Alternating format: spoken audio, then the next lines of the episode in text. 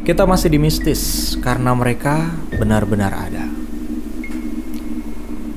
Kita masih menceritakan pengalaman menyeramkan yang terjadi di sebuah stasiun radio di Cirebon. Dan kali ini sosok yang dilihat cukup jelas dan seolah-olah mengkonfirmasi apa yang sudah dilihat oleh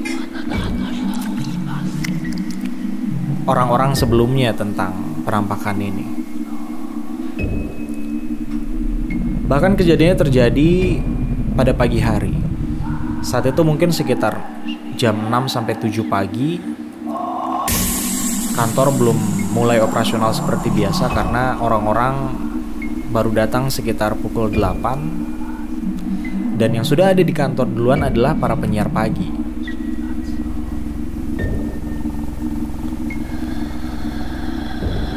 Saat itu penyiar radio kedua yang ada di gedung yang sama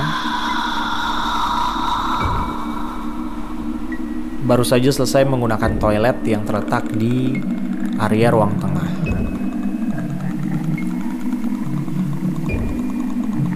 Seperti yang sudah diceritakan juga sebelumnya, bahwa di area ruang tengah ada sebuah kaca besar di mana kita bisa melihat kondisi dalam ruang siaran Dan saat itu penyiar ini sebut saja Bang Y itu bisa melihat bahwa di ruang siaran sedang ada dua penyiar, sebut saja penyiar A dan B yang sedang siaran. Mereka terlihat sedang berbincang-bincang, terlihat sedang on air. Tapi ada satu yang menarik perhatian Bang Y. Karena Bang Y melihat ada sosok lain di dalam ruang siaran.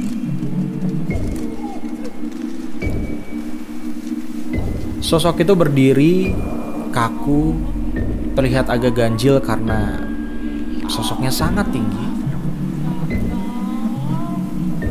Sedang berdiri di belakang penyiar A.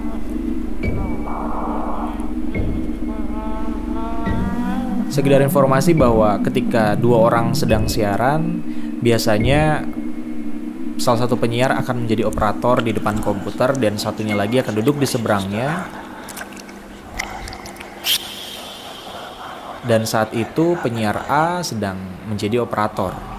Dia sedang duduk di depan komputer dan penyiar B duduk di seberangnya sambil asik tertawa-tawa mendengar candaan dari penyiar A. Seolah-olah bahkan penyiar B pun tidak melihat sosok yang berdiri di belakang sosok penyiar A.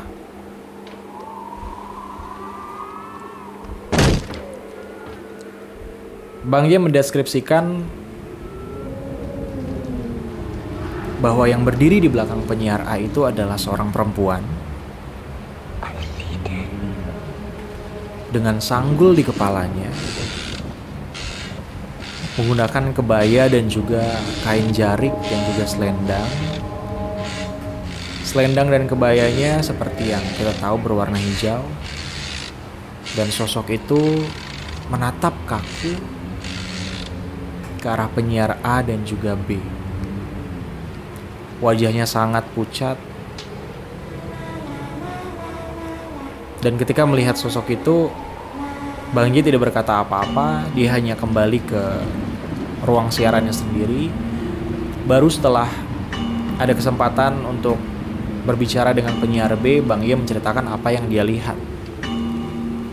Dan ternyata memang benar, penyiar B ini nggak melihat sama sekali ada sosok di belakang penyiar A. Dan akhirnya mereka memutuskan untuk nggak nyeritain sosok apa yang ada di belakang penyiar A itu kepada penyiar A sendiri karena takutnya itu bisa mengganggu konsentrasi siaran mereka. Sebenarnya kisah tentang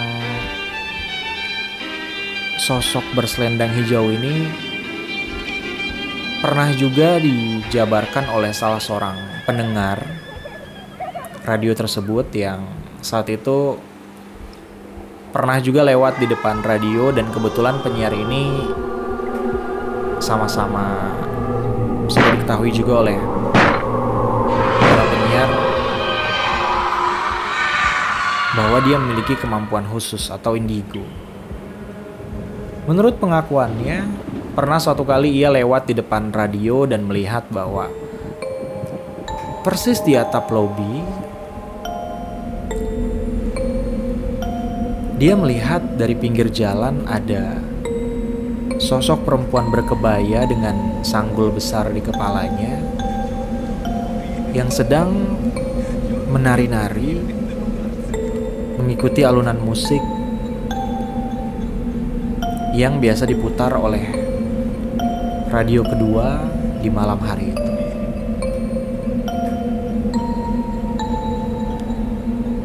Dan bahkan ketika pendengar ini melihat sosok itu, sosok tersebut juga melihat ke arahnya, mereka sempat berpandangan dan bahkan sosoknya menari lebih cepat sambil tersenyum diiringi tembang-tembang lawas Cirebon. Tapi bahkan sampai sekarang belum ada jawaban pasti. Siapa sosok itu sebenarnya? Dari mana dia berasal? Sejak kapan ada di tempat itu? Tapi yang jelas, kisah itu masih terus menjadi legenda sampai saat ini diceritakan terus menerus turun temurun dari mulut ke mulut dan mungkin selanjutnya akan ada kisah lainnya yang berkisah tentang sosok berselendang hijau itu.